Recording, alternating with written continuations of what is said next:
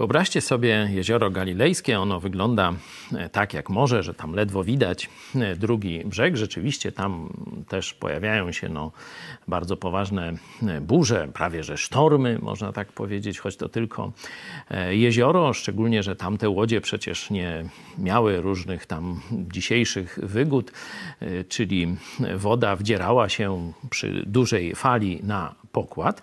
I Jezus z uczniami wsiadają do takiej łodzi. Jest spokojny wieczór, wypływają w morze. Jezus kładzie się spać, no oni tam, że tak powiem, nawigują, sterują, robią różne rzeczy.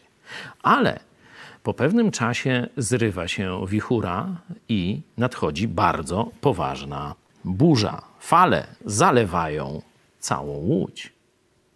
No, wiemy, jaka jest ta historia opisana w Ewangelii Mateusza, ósmy rozdział. Budzą Jezusa ze strachem, wołając: Ratuj, bo giniemy. Jezus wstaje, gromi wiatr, gromi morze i nastała znowu wielka cisza. Czyli mamy dwie sceny, takie scenografie.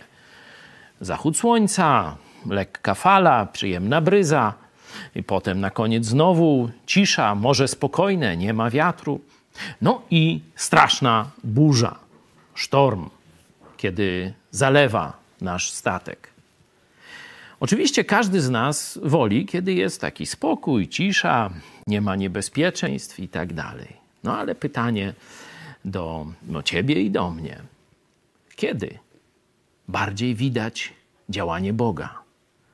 Kiedy bardziej jesteś blisko Boga. Kiedy bardziej jesteś zdany na Boga, czyli doświadczasz tego, że Go potrzebujesz. Nie bójmy się burzy.